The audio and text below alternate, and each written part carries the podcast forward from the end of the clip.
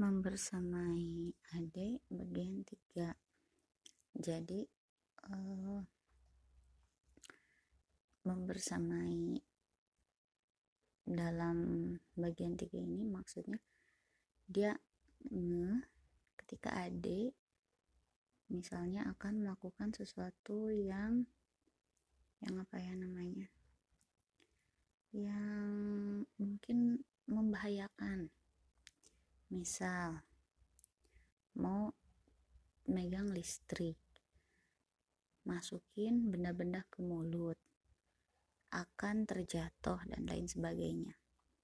Selama ini ya sih cuma ya namanya anak-anak gitu kan.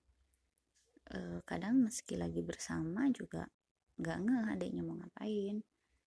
Nah pas hari itu Ami minta kakak jagain adik sebentar. Ami minta tolong Ami bilang bahwa kakak tolong adiknya juga diliatin. Tidak fokus ke TV terus. Kakak bilang iya oke. Okay.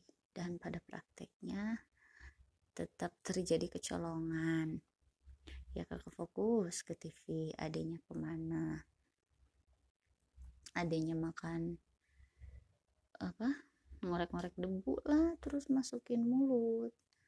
Terus adek uh, mainan apa tuh ada mainan yang kayak sepeda gitu.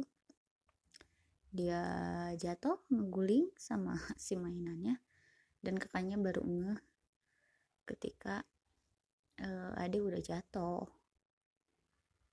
Terus pas Ami nyamperin tapi kakak langsung uh, dengan cepat ngerespon dan bilang ke Ami maaf ya kakak nggak lihat.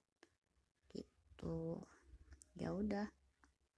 Ami juga nggak kenapa kenapa sih karena memang uh, namanya juga mungkin anak. Kadang Ami aja fokusnya masih suka terbagi meski berada dalam satu uh, ruangan atau kegiatan yang sama apalagi kakak Seenggaknya dengan kakak langsung merespon dan meminta maaf sama Ami, berarti dia sudah mengerti bahwa dia diberi tanggung jawab untuk menjaga adik ketika Ami sedang tidak di situ.